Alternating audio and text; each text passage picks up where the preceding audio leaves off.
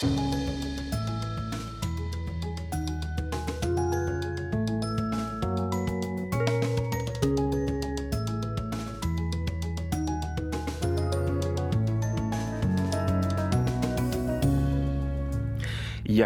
velkommen til det aller første av eh, ti radioprogrammer i en serie, der vi i NRK P2 bidrar til å kåre de beste sakprosabøkene utkommet i Norge etter krigen. Det er et uh, nytt uh, tema for hvert uh, eneste program, og i dag skal vi ha et tema som er litt sånn lett blanding. De, brune spørsmålene i TP sorterer under denne overskriften kultur og underholdning. Og her i studio så har jeg med meg et panel som skal snakke om en langliste med 25 bøker som de har kommet frem til, som da er antatt noen av de beste eller viktigste sakprosabøkene på dette feltet. Og etter at de kom fram til denne lista, var det opp til medlemmene i Norsk faglitterær forfatter- og oversetterforening å stemme frem de aller beste. Og de gikk jo nærmest mann av huset, eller de kastet seg i hvert fall ivrig over tastaturet og stemte, mange, mange av dem. Nærmere 1000 står bak denne kåringen. Jeg heter Hans Olav Brenner. Dette programmet heter Faktasjekken jakten på Norges beste sakprosabøker. Og da vil jeg si hjertelig velkommen til dagens panel.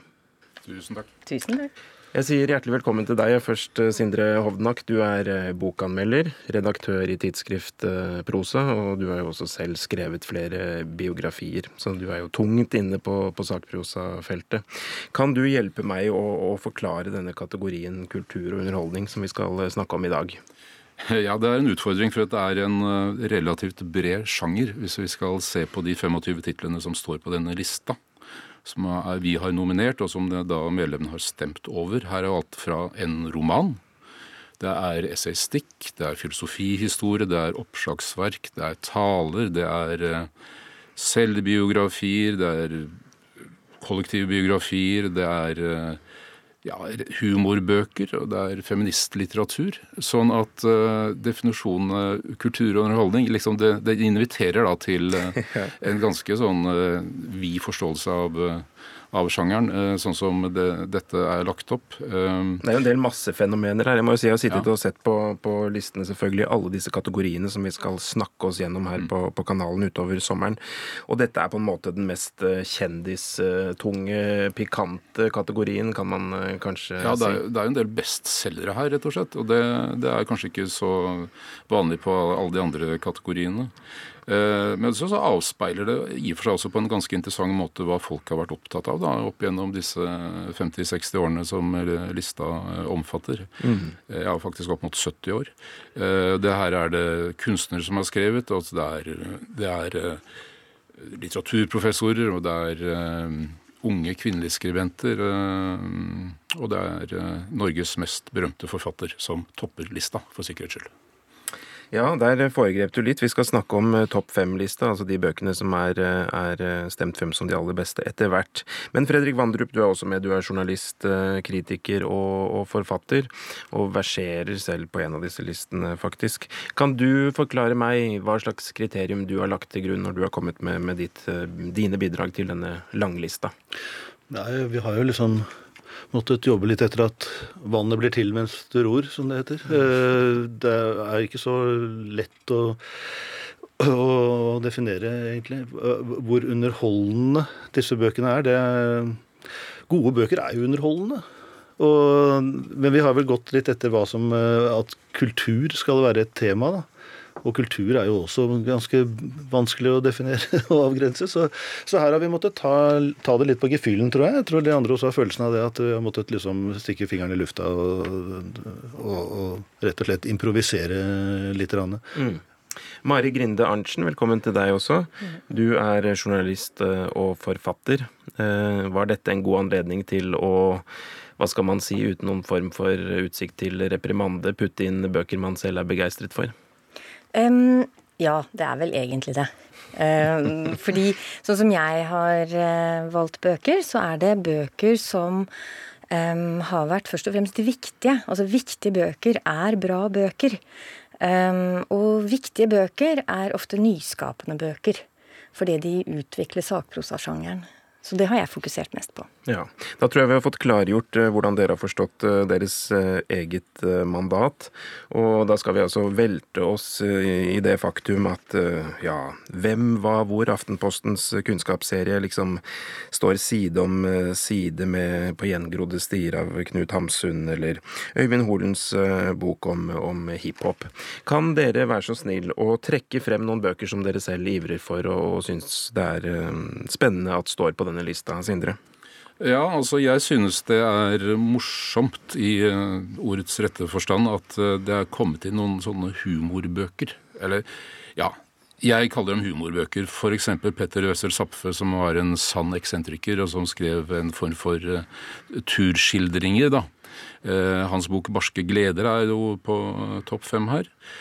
Og vi har selvfølgelig Steffen Kvernelands Munch-biografi, som også er en veldig en kunstnerisk fullverdig, men samtidig veldig morsom bok. Og vi har og jeg syns det er fint at, at vi, vi, åpner for, for humoren.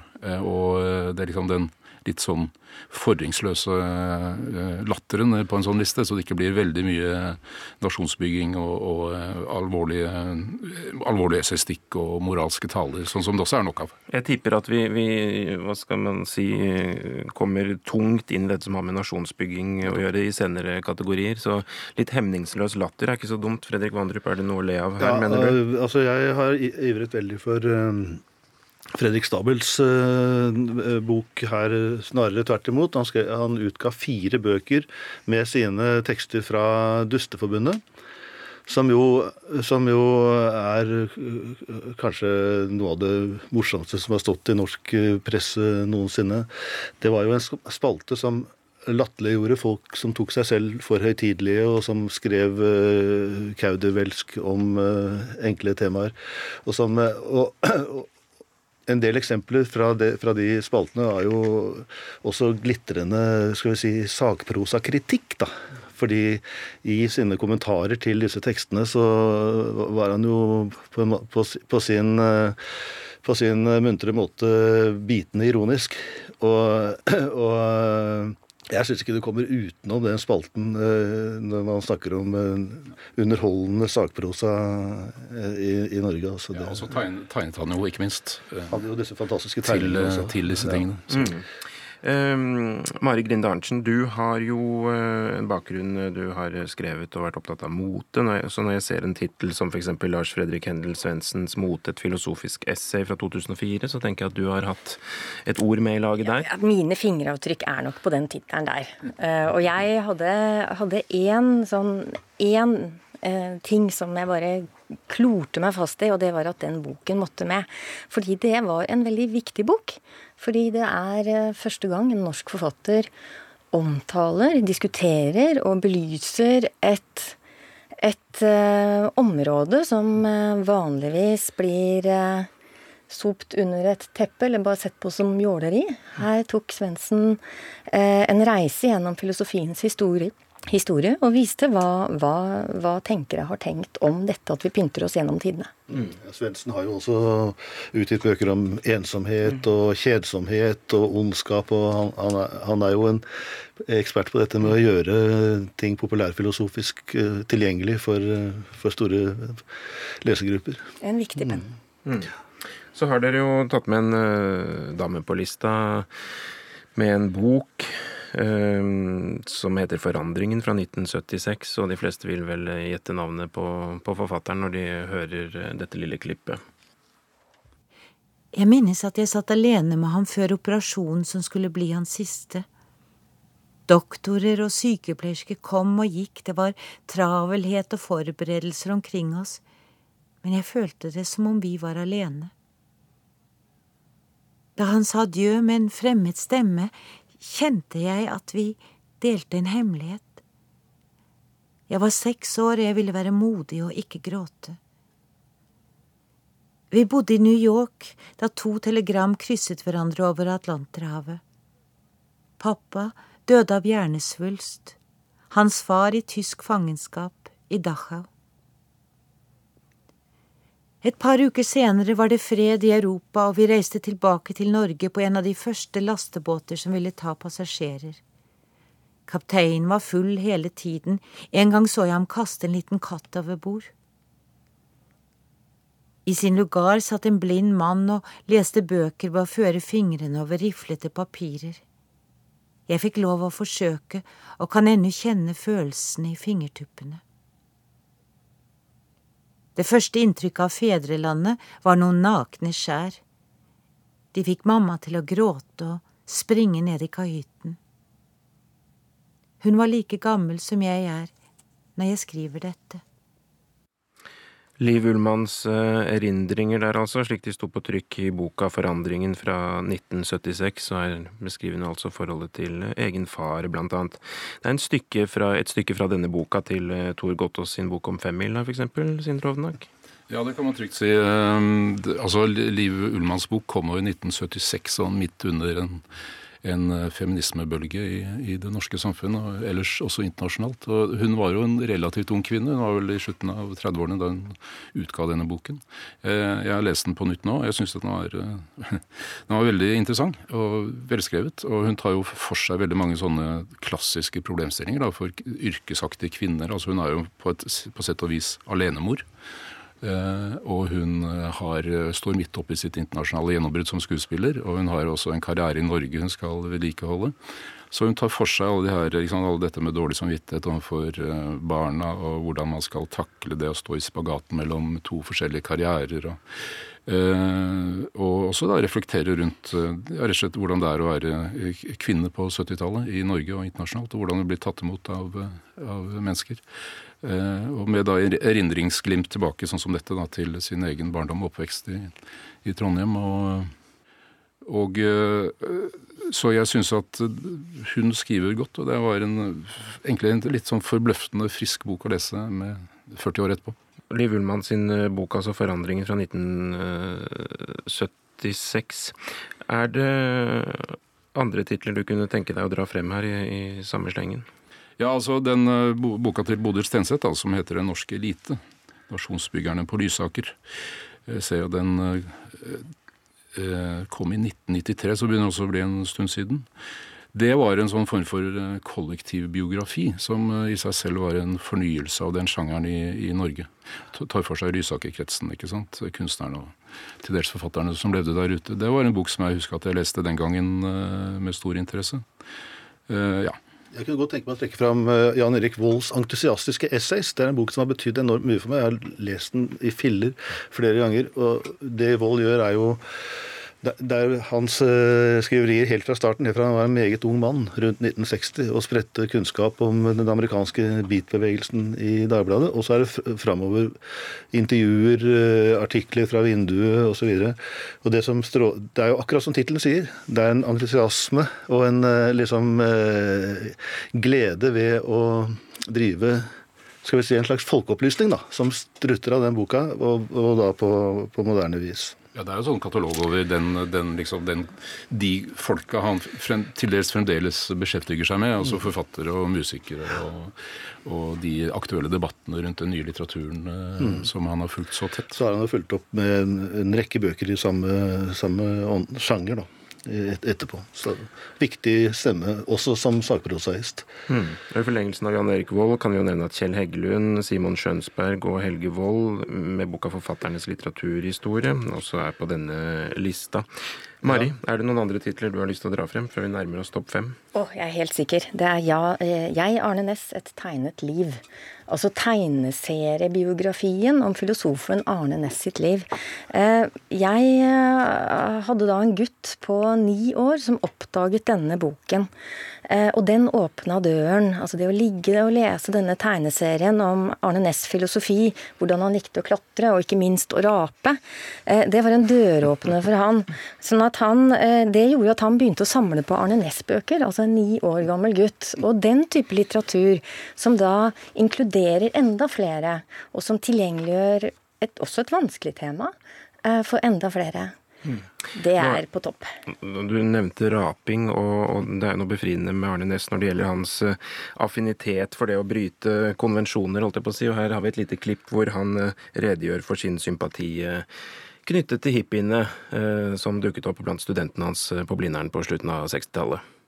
Noen av av de beste studentene er sånne med blomster i hår og kommer barbent og med en bikkje eller to bikkjer inn i auditoriet osv. Deres opposisjon virker meget frisk, siden studentene jo blir behandlet mer som barn i Amerika enn som voksne mennesker. Så jeg ser nokså lyst på bevegelsen. Så et godt incitament til å, tenke seg om hva American life vil si. Ja, de, ser de ikke noe negativt, eh, ikke noe farlig i disse tendensene i det hele tatt, eh, professor Næss? Jo, det er, det er fare i alle tendenser for så vidt. Og allting kan uh, misbrukes. og det, er alltid elementer som drar nytte av en i og for seg sunn bevegelse. Så jeg ser uh, fare der. På den annen side uh, så må man jo sammenligne med hva ungdom foretar seg som ikke er hippie. og Da syns jeg ikke det. Så de kan vel også, der kan det vel også være farlige tendenser. Ja, og Arne Næss han eh, har jo avtrykk flere steder her. Han er jo også representert eh, på lista over eh, kultur- og underholdningsrelaterte bøker, morsomt nok, med filosofiens historie fra 1953. Mm. Og han er i godt selskap. Knut Hamsun er her med på gjengrodde stier, og her har vi også Nasneen Khan Østrem og Mahoma Khans utilslørt muslimske råtekster fra 2013, for å nevne noe. Ja, Sindre Hovdenak, hadde du en kommentar? Nei, altså dette med Det viser jo litt av, av bredden på denne lista, da. Altså Arne Næss, det er vel uh, han som introduserte positivismen i Norge som vitenskapelig tenkemåte fremfor noen. og han har vært formende for generasjoner av norske akademikere som har tatt sin eksamen filosofikum. Men han var jo selvfølgelig mye mer enn det også. Han var jo en, etter hvert altså utviklet han en sånn slags folkekjær filosof eh, som eh, trakk store mm. menneskemengder for å, når han holdt sine entusiastiske foredrag. Han ble en slags sånn filosofisk teddybjørn etter hvert, ja. men jeg kan, altså kulturunderholdning jeg kan ikke huske at jeg syns Arne Næss' filosofiens historie var spesielt underholdende da jeg tok eh, eksamen filosofikum i, i sin tid. Eh, men, eh, men, da skulle man jo pugge den. Men var, den, var, den, var, den, var, jo på en måte veldig Den åpnet et, et, et univers, da. En tenkemåte som, som man forhåpentligvis ble smittet litt av, i hvert fall. Mm. Mm -hmm. Jeg kan jo si at den forfatteren og den boka som med et skrik nærmest ikke ikke havnet på topp fem-lista, bare nesten. Det eh, er en bok som heter 'Munnspill under åpen himmel' fra 1966. Og forfatteren har nok eh, sittet i dette studioet vi sitter i nå ganske mange ganger, vil jeg tro. Hør på dette. Man kan undres over at så mange mennesker aldri blir fortrolige med å ta farvel. Hvorfor denne evinnelige snufsing på brygger og perronger? Hvorfor disse hvite, vassende lommetørklær, disse slappe overgivelsens faner fra skipsrekker og kupévinduer. Kan vi aldri lære at intet er mer dagligdags enn avskjeden? Ur har vi oppfunnet og hengt dem i tårn for at de skal vende sine bleke, strenge ansikter mot mennesker og hus, og vi skal kunne stirre våre tusen avskjeder i øynene. Allikevel lærer vi det aldri. Visste urets oppfinner at han skapte en liten tikkende jævel med et ansikt som verken ville røpe medynk eller ubarmhjertighet, men med et indre som aldri kunne gjøre mennesket annet enn tungsindig. Hvem husker ikke sin barndoms ur? Tikkingen, takkingen, plingen og plangen gjøkurets brystsyke jodling fra et sted hinsides den siste alpe. Ur dinglende i kjeder, ur med ansiktene skjult under kapsler av gull, gamle menns ur som glødet vestlomme varmt mot øret. Hører du det sier dikk? Er ikke dette et morsomt leketøy?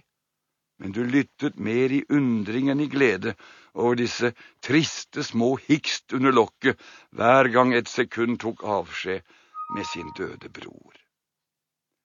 Ja, tiden går, og man blir bror med mangt et par. Erik Bye der altså. Jeg ble gjort oppmerksom på nettopp eh, av eh, vår tekniker Eli Kyrkjebø at vi faktisk sitter i Erik Byes gamle kontor, så dette er jo veldig staselig. Fredrik Vandrup, er det mannen eller boka som, eh, som har fortjent plassen på lista?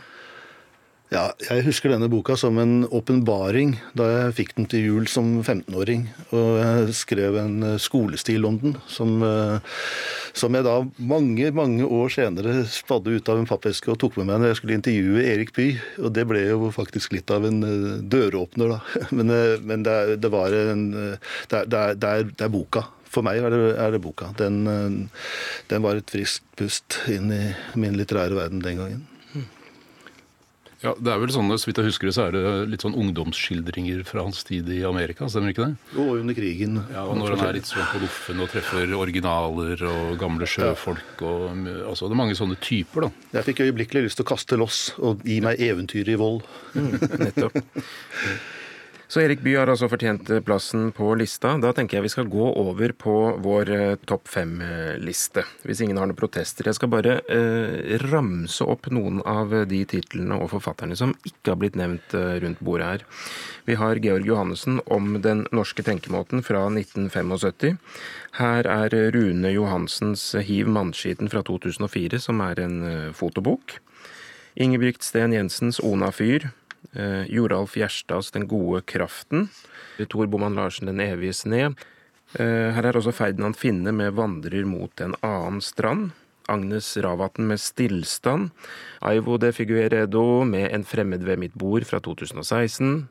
Og med det så var alle nevnt.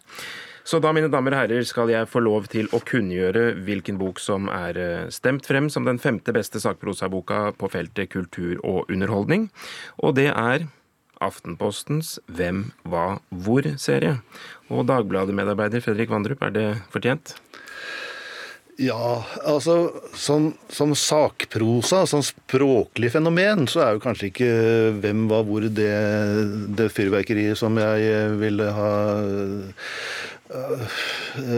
satt så høyt opp på lista. Men, men det er klart, altså betydningen for, for uh, som et fenomen for det norske folk, som en, som en slags sånn huskeliste over hva som har skjedd i året som gikk. og Særlig de gamle bøkene er jo også øh, fylt med merkelige artikler om øh, dette og hint. Man ser liksom for seg at redaktøren har sittet og klødd seg i huet. og Hva skal vi fylle dette med denne gangen? Øh, liksom? Vi kan jo ikke ta akkurat det samme som i fjor. Og så har det tidvis kommet, poppet veldig originale ideer opp i det, var, det, ble jo skrevet av Aftenpostens medarbeidere uh, i hovedsak. Det er sånn Før internett så var dette den perfekte mm. oppsamlingen av hva som hadde skjedd i året før. Da hadde det stående julegave til far, holdt jeg på å si, og mor for den saks skyld. Men... Julegave og ikke minst konfirmasjonsgave til noen litt uheldige unge gutter. Så, så altså, dette var en kjempe, kjempesalgssuksess for Skipsted-konsernet, ikke, ikke, tvil om det. Ja, ja, ja. Jeg må innrømme at jeg tok en telefon til mamma i dag, bare for å dobbeltsjekke barneminnene mine. Mm. Eh, og da kunne hun fortelle at eh, morfar fikk den til jul hvert eneste år. Og jeg husker det, og den har jeg ikke helt fått konfirmert, men en av mine onkler mener jeg ga den til pappa hvert eneste år. Mm. Og vi, jeg kommer fra en sånn Gyldendal leksikonfamilie, mm. hvor eh, det å drikke kaffe og spise kaker handla om å slå opp, ha diskusjoner og slå opp og strekke om informasjonen stemte. Mm. Eh, og da var jo også hvem var hvor en del av det her. Har den eh, utspilt altså Jeg ser jo da at den har blitt utgitt jevnt og trutt siden 1935, og du var inne på dette her med, med det berømmelige internett. Eh, Sindre, har den utspilt sin rolle? Jeg, jeg, tror nok ikke den er like viktig for, eh, for økonomien i forlaget nå lenger. Som for øvrig ikke ja, Det er vel Vigmos og Bjørke kanskje som utgir Hvem og hvor nå. Fikk det med seg fra Skipsted forlag. Men det kommer jevnt og trutt, da. Ja, det kommer det, ja. naturlig nok hvert år, da, går ut fra. Ja. ja. Jeg hadde helt glemt det, men jeg tror faktisk jeg har bidratt en gang. Ja. Fordi jeg var ansatt i Aftenposten. Ja, nettopp. Mm, nettopp. Ja. Så du er da faktisk eh, nærmest inhabil eh, hvem var hvor-forfatter under ja, ordet? Ja, det innså jeg nettopp nå. Men jeg husker ikke helt hva jeg skrev om. Nei, nettopp. Jeg vet ikke om det er formidlende eller ikke. Det er mange som liker sånne oppsummerende artikler. Mm. Eh, ikke sant? Sånn, de, hva er det viktigste som skjedde f.eks. i norsk litteratur i året som har gått? ikke sant? Mm. Eller politikken, eller utenriks og sånn. Så jeg tror definitivt den hadde en veldig viktig Jeg bruker hensikt. den uh, jevnt og trutt når jeg skal liksom, finne ut hva, hva skjedde egentlig i 1962. Uh, og så er det, jeg, jeg, Men da må du lese bindet for 1963, eller hvordan er dette? Ja, noe sånt noe. Ja, ikke sant? For det kommer av året etter. Og I bindet for 1956 fant jeg en gang en veldig morsom artikkel hvor, hvor, de eh, da identifiserte alle de eh, pseudonymene som folk skrev under i Dagbladet og Aftenposten overalt. Det var ikke alltid, De brukte ikke så mye byline den gangen, de brukte pseudonymer. Så de var over mange sider så var, fikk du da vite hvem som var, skjulte seg bak de forskjellige merkene. Mm. Våre tanker går til alle de som i årenes løp ikke er blitt uh, nevnt i Hvem var hvor, men håpet at de skulle bli det. Det må jo også ha vært en tung skjebne, ja. som det er mulig å leve med, da kanskje i våre dager i hvert fall. Vi går over på fjerdeplassen her. 19 eh, av medlemmene i NFF har da gått inn for at eh, Peter Wessel Zapfes barske gleder fra 1969 bør eh, opp og fram på denne lista. Og hva slags verk er det vi har å gjøre med her, Sindre? Ja, altså Dette er jo på en måte Kan under tvil kalles reiseskildringer. Han var fjellklatrer og filosof. Og veldig mange av disse eller veldig mange av disse essayene hvis man kaller det, i Barske gleder, det er en sånn, typisk sånn oppsamlingsbok, handler jo da om mer eller mindre uh, fiktive turer han har tatt i den ville norske naturen sammen med sine nokså fargerike venner. Så det er litt fake tours her? Nei, det, jeg sier ikke det. Men altså, det er liksom den Jeg vil heller kalle det den er litt sånn akademiske versjonen av Kjell Aukrust eller noe sånt. Det er, det er jo veldig morsomt. Det er jo det viktigste. Og hvor etterrettelig det er, det er eh, for, en, for å være opp til enhver kvalifisert leser å bedømme selv. Men først og fremst så er det litt sånn folkelivsaktige skildringer fra et sånt veldig sånn eh, til dels førkrigs- og etterkrigs-Norge, hvor ting var mye enklere på alle måter enn en eh, det er nå. Både når det gjelder hva slags turutstyr folk hadde, den forferdelige maten de måtte bære med seg, ikke sant, og mer eller mindre hasardiøse da, ekspedisjoner med påfølgende redningsaksjoner ofte. Så det er ganske, det er ganske ellevilt. Hvis vi skal tilbake til den perioden da gledene var barske og folk leste Hvem var hvor? Ja, ja, det var de enkle gleder. Eller norske gleder. Han var jo formuleringskunstner av dimensjoner også. Så skrev han et sånn litt arkaisk eh, norsk, både ortografisk og formuleringsmessig, som, som eh, gjør at det ble en nokså enestående form for humor, da, kan du si. Eh, veldig tidstypisk, ja. kan man trygt si. Ja, ja det, det, er i hvert fall veldig morsomt å lese. Han, han var jo så vidt jeg har skjønt, også en grensesprengende filosof. Men, men hadde da denne voldsomme sansen for humor. Ja. Mm.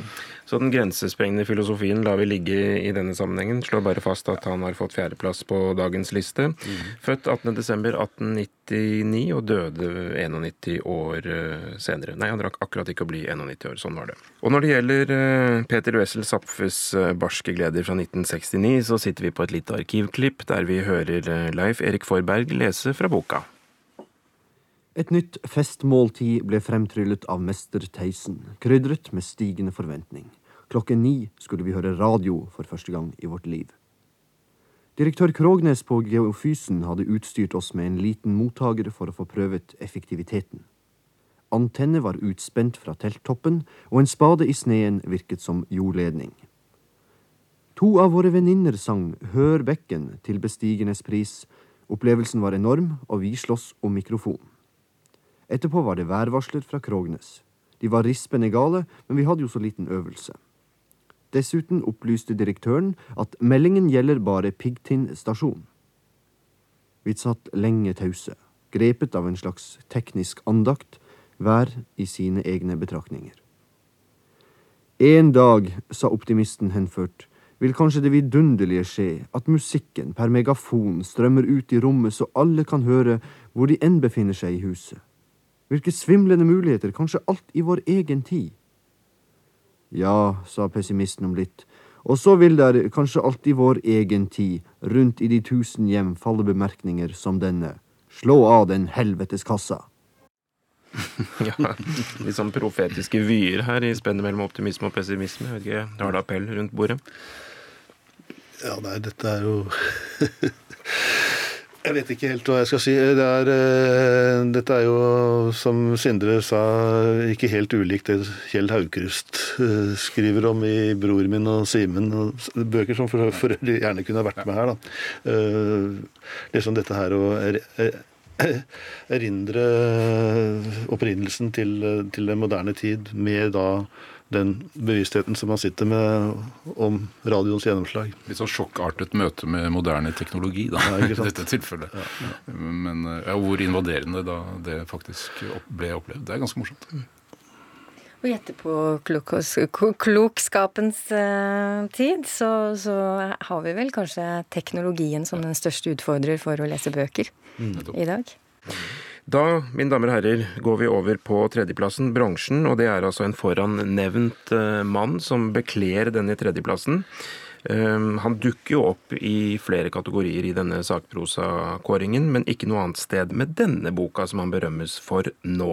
Det er altså snakk om Arne Næss og boka 'Filosofiens historie' fra 1953, som ikke er direkte munter, men som da har opplyst relativt mange mennesker i årenes løp, vil jeg tro. Er du en av dem, eh, Mari Grinde Arntzen? Nei, for jeg studerte filosofi um, to måneder.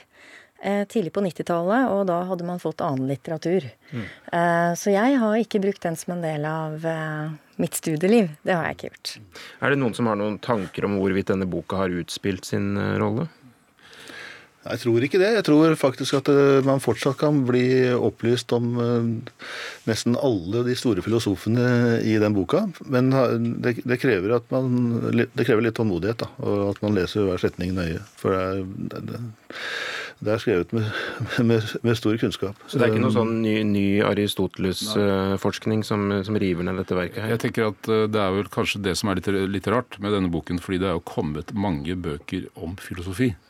Og både pensumbøker, for ikke snakke om altså type Sofies verden og den type bøker, som har vært mye viktigere for, eh, for de generasjonene eh, etter Arne Næss, i hvert fall. Så i hvilken grad denne boken fremdeles blir lest, vet jeg ikke. Men det var kanskje definerende for sin tid, da. Det Ja, altså det er jo det at, at tusenvis av mennesker har jo tvangslest den fordi de har tatt eksamen. Eh, eksamen filosofikken. Det var, jo, det var jo obligatorisk lesning. Men det som er litt morsomt her, eh, er jo at eh, Og da, nå får det norske filosofiske miljøet har meg unnskyldt, men eh, det er jo de to morsomste og mest fargerike typene som noensinne har spredt filosofisk eh, kunnskap i Norge, som er på tredje- og fjerdeplass på denne underholdningslista. Da. Og det, det passer kanskje, kanskje bra. Det er litt sånn karismabarometer i skrivende stund, dette her. Det Så Zapf og Nes Næss var jo begge også veldig ivrige fjellklatrere. Nettopp, det var det. Det, det skulle man være. Ellers Det jeg husker best som jeg har lest av Arne Næss, er et eh, essay eller hva skal jeg kalle det, han skrev om den gangen han og Jens Bjørneboe invaderte Nato-hovedkvarteret på Kolsås. Det er en fantastisk, fantastisk Det er historie. klassiker. Det kunne jo godt ha stått her som underholdning, da. Men, ja. men det, var- det, det, det, var, det gjaldt liksom å ikke bare bestige kunnskapens eh, høyder, men også de virkelighetens tinder, da. Mm. det er jo noe med sjangeren også, det at man på en måte tar et hav av informasjon og putter det i en liten dam. Sånn som denne sjangeren er, at du tar en så lang historie og plasserer den mellom to permer. Bare den sjangeren er jo verdt en eh, Å håndtere en sånn sjanger er jo da verdt eh, sin plass på lista Så en her. blanding av eh, kunnskapsrikdom og ubeskjedenhet er en fordel når man skal briljere i denne Jeg tror han ble professor da han var 28 år gammel. Eller Ja. ja. slikt, da. Hadde sitt på det rene. Arne Næss, filosofiens historie, da på tredjeplass. Og da skal vi gå over på sølvplassen. Da er det altså snakk om Georg Johannessen og boka Om den norske tenkemåten fra 1975. Og jeg syns det er en fordel å ha et eh, slags eh, lydlig inntrykk av eh, mannen. Vi skal høre et lite klipp her hvor Georg Johannessen snakker om forskjellen på forfatterne Ole Robert Sunde og Jon Fosse. I Norge finnes det, eh, og i- og overalt i verden ellers finnes det i grunnen, som man sier, to Man kan dele alt mulig, ikke sant? men hvis vi nå vil, så kan vi dele essay i to grupper. Ett etter Montaigne og ett etter Bacon. Og vi kunne også dele med de to som på hver side her nå. Da jeg snakket med Ivar Larsen Aas den, mine to meddebattanter her, så tenkte jeg at vi, et, vi hørte at Sunde var fra Jessheim, så visste jeg at Fosse var fra Strandebarm. Så tenkte jeg kunne kanskje kalt det for essayet fra Jessheim til Strandebarm. Og, og at jeg da skulle fenomenologisk inndele de sånn efter at den ene var en bonde, den andre var en sjømann. For, for, for folk fra Strandebarm de er sånne fryktelig gode, gode De lager så fine båter der. Og det er mye av båtsnekkeren i Fosse, etter mitt skjønn. Og som dere vet, så har Benjamin delt inn alle fortellere i to grupper. da, Sjømannen og bonden. Um, Og med, med, med dette nå er, ikke, nå er det så at hvis en bonde blir, blir lærd, blir han prest. Men hvis en, eh, hvis en, eh, hvis en eh, sjømann blir lært, så blir han offiser. Og jeg stiller på den andre siden, så jeg er også sjømann. Vi to er vestlendinger. Vi foretrekker å krige fremfor å omvende folk. Georg Johannessen kjenner sitt publikum i dette klippet da, fra, fra 1990. Det er en slags karismatiker, holdt jeg på å si, dette her også, Hovland? Ja, det kan man trygt si. At han var berge, vestlending og bergenser, er heller ikke noe tvil om. Eh, så han var veldig viktig da, på flere nivåer. Først og fremst var han sånn hardcore eh, klassisist og eh, nærmest sånn materialist når det gjaldt hvordan han leste og behandlet litteratur. Han ville jo ikke ha denne metafysiske all, all denne, alt dette følgeriet rundt litteratur. Han var opptatt av å analysere ikke sant? og etterspurte fornuft og kunnskap, og var retorisk eh, da. En, en, en, stor retoriker. Han har vært veldig viktig for det retoriske miljøet i, i, i Norge. Eh, og så hadde han jo en, et tydelig politisk ståsted som også lå til bunn for i hvert fall de, i, veldig viktig i begynnelsen av hans eh, skrivende karriere. Mm. Så var det jo en fryktelig morsom mann, da. Vi snakker om fargerike folk. ikke sant? Vi hørte jo, Han var en slags sånn lærd eh, stand-up comedian som, eh, som eh, pratet Hadde sånn monologisk form. da, Pratet og pratet og pratet, og, og, og kom med de underligste formuleringer. Jeg har jo hatt, hatt gleden av å intervjue ham et par ganger, og det har vært et langvarig prosjekt, prosjekter, for å si det sånn. Men resultatet har alltid blitt uh, festlig, da. Mm. Georg Johannessen, født uh, 22.2.1931, døde i 2005. Og her i Norsk biografisk leksikon står det at han var sønn av en kjemiingeniør, sjåførlærer og loddselger og en eh, syerske fabrikkarbeider og kokke. Så da har vi familiære, det familiære utgangspunktet. Og um, Mari Grind Arntzen, har du et forhold til Georg Johannessen og boka om den norske mm. tenkemåten? Eh, absolutt ikke. Altså, jeg var fem år da den boka ble gitt ut. Og det som er litt interessant, er jo å se at Fem på toppen, blant de fem på topp Ja, ok, da minus hvem var hvor, da, så er dette da den nyeste boka. Det er en ganske sånn ganske mange gamle utgivelser som har kommet på topp her. Eh, og alle er menn. Mm. Ja. Du har kjempet hardt for de, for de, nye, men de har kommet så langt ned på lista. Ja, og det er det som er litt interessant òg. For at man ser jo da at norsk sakprosa har, gått, eh, har utviklet seg formmessig, fortellerteknisk, og blitt enda mer eh, en leseopp opplevelse enn en faktabasert informasjonsbok. Vi ser jo den utviklingen her, og da spesielt på 2000-tallet. Um, ehm, så det, jeg, jeg, personlig syns det er litt rart at ikke noen nyere bøker på en måte har uh, markert seg mer mm. i folks bevissthet. Jeg tenker på Agnes Ravatns uh, 'Stillstand' fra 2009. Kunne vi jo tenkt oss høyere opp på lista. Den er relativt høyt oppe etter avstemning, men uh, ikke da på topp fem. Mm. Det samme gjelder jo, altså Den nyeste her er jo Aivo de Figueredos 'En fremmed ved mitt bord', mm. som, som, som, kanskje kunne vist uh, liksom en, en, en litt mer moderne skrivestil mm. eh, enn en det du finner i disse bøkene. Han er en veldig viktig forfatter ja. i vår tid, og har skrevet uh, viktige bøker, ja. og gode bøker. Nettopp. Så det er også litt rart at den ikke er litt høyere opp. Men folk har vel en tendens til å, til å liksom Å, det er klassikere. Det er noe de har et forhold til, ikke sant. Så har de stemt fram disse. Mm.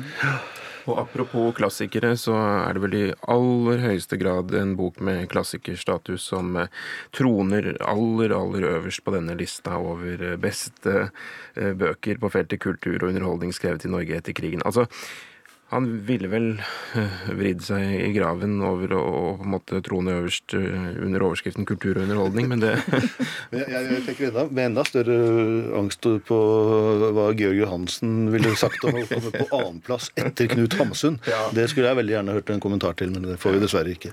Og der var det altså Fredrik Vandrup som avslørte hvem som ligger aller øverst. Det er uh, Knut Hamsun som har vunnet, da, hvis det går an å formulere seg på den måten, med boka 'På gjengrodde stier' fra 1949.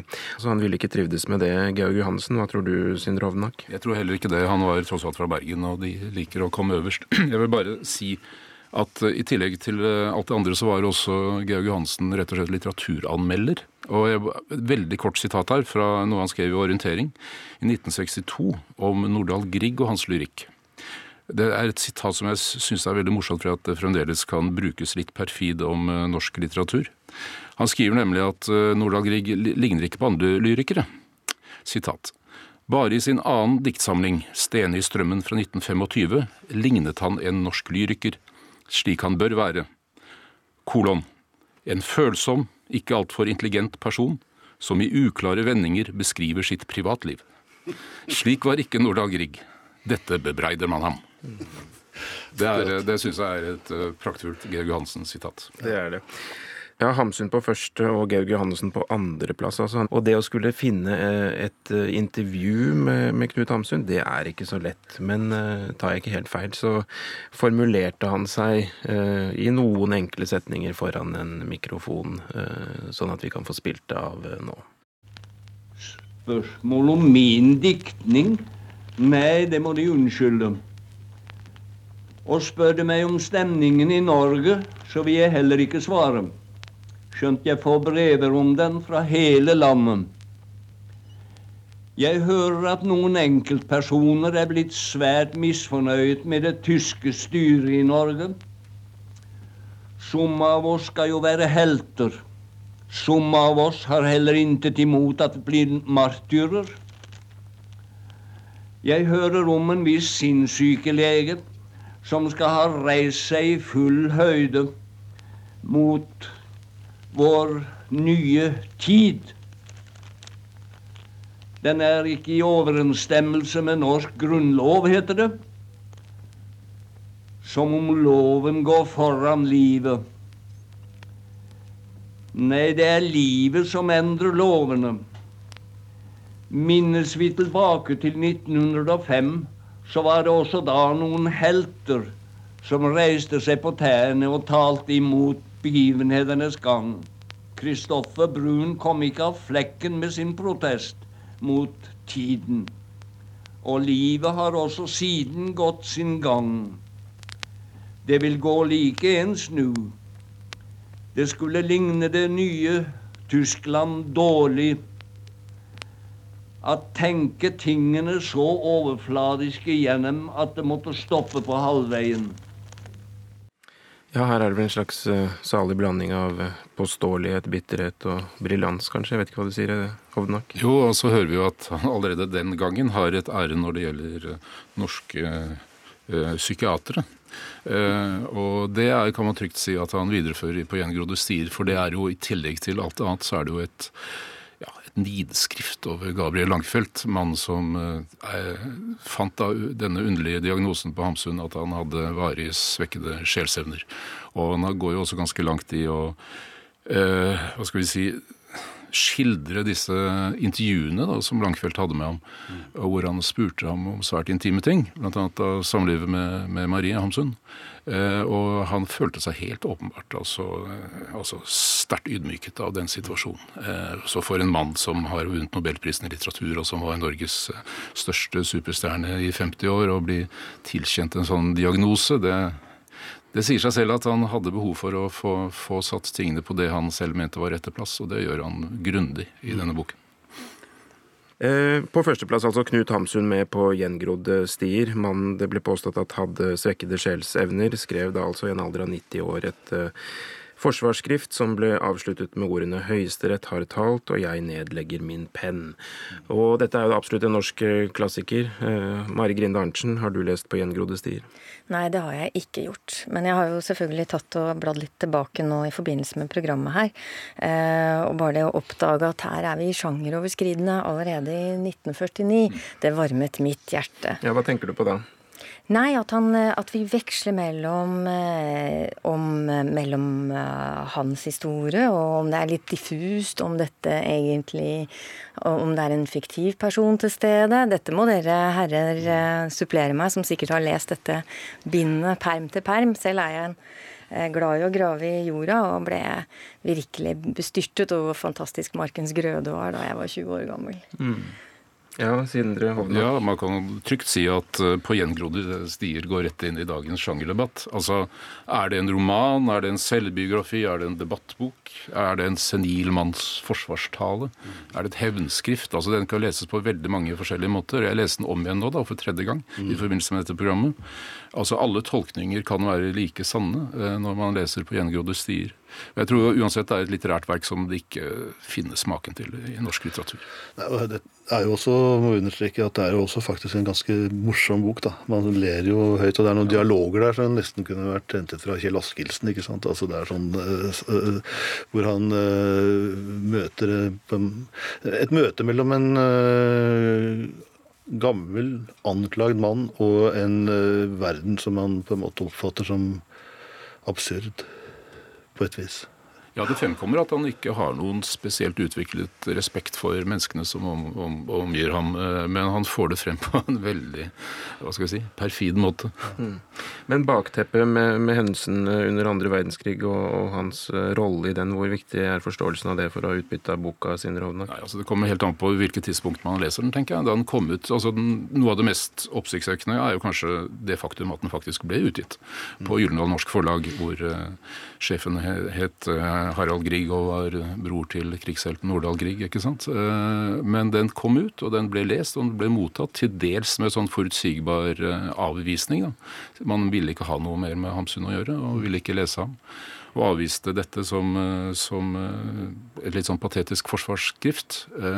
Men er, jeg tror allerede den gangen, uten at jeg var til stede, for å si det sånn, men jeg, jeg kan nok tenke meg at også de som leste Hamsun på 50-tallet kunne ikke liksom unngå å se de kunstneriske verdiene ved denne boken. Det tok jo tid før eh, den norske skal vi si, kultur om man i norske kulturkretser begynte å lese Hamsun igjen. Jeg tror eh, Francis Pull kom med et skrift som het 'Knut Hamsun på ny', som på en måte åpnet litt eh, for at det gikk an å lese disse tidlige bøkene uten å tenke på at han hadde vært nazist under krigen. Men det, det, satt, det satt, veldig hardt i. Og bakgrunnen for, eh, for Egråde tider er jo en til dels åpen, til dels skjult debatt om hva man skal gjøre med Knut Hamsun. Hva skal vi gjøre med Knut Hamsun? Jens Christian Hauge mente man burde henrette ham. Og NFFs medlemmers løsning er i hvert fall å stemme han frem til en førsteplass her. Vi sitter jo med en meget eklektisk liste topp fem her.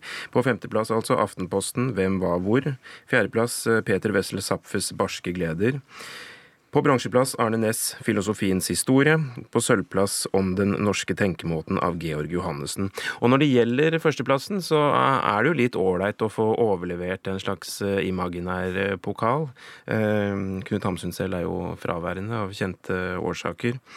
Han døde jo da på begynnelsen av 50-tallet i en alder av 93 år. Og jeg vet ikke om biografen er rette mann. Hva tror du, Ingar Sletten Kollon? Ja, jeg er i hvert fall hans biograf. ja.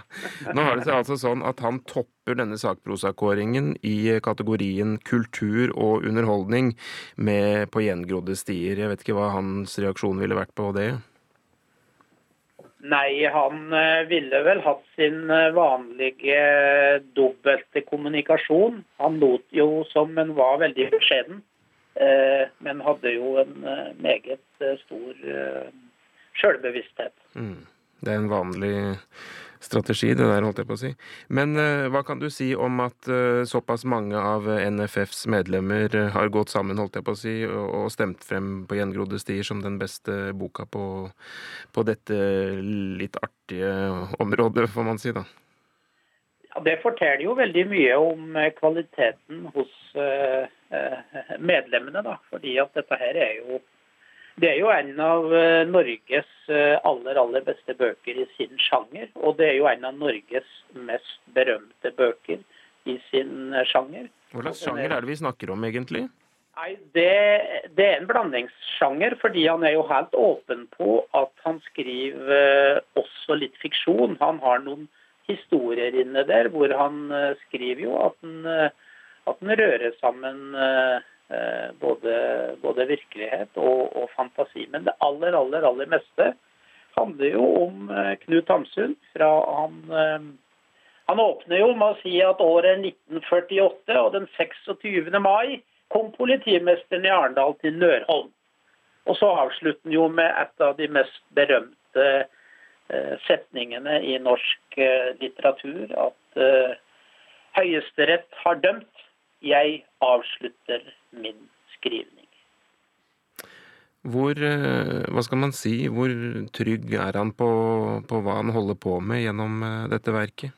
Ja, Det er jo veldig interessant, fordi at uh, Hamsun uh, var jo fire måneder til uh, rettspsykiatrisk undersøkelse av da to av Norges aller fremste psykiatere og rettspsykiatere. Og de konkluderte jo med at han hadde varig svekkede sjelsevner.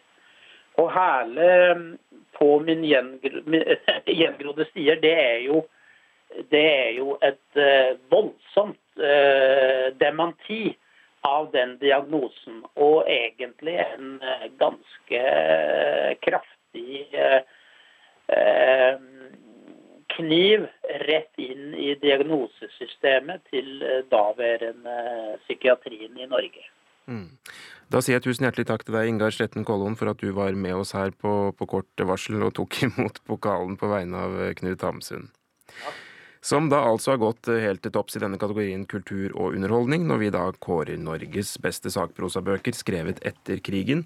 Og dette var det første av ti programmer her på NRK P2 eh, utover eh, sommeren. Så vi takker for oss. Jeg sier tusen takk til panelet her i studio. Sindre Hovnak, Fredrik Vandrup og Mari Grinde Arntzen. Og Eli Kyrkjebø, Sille Biermann og Hans Olav Brenner takker for seg denne gang.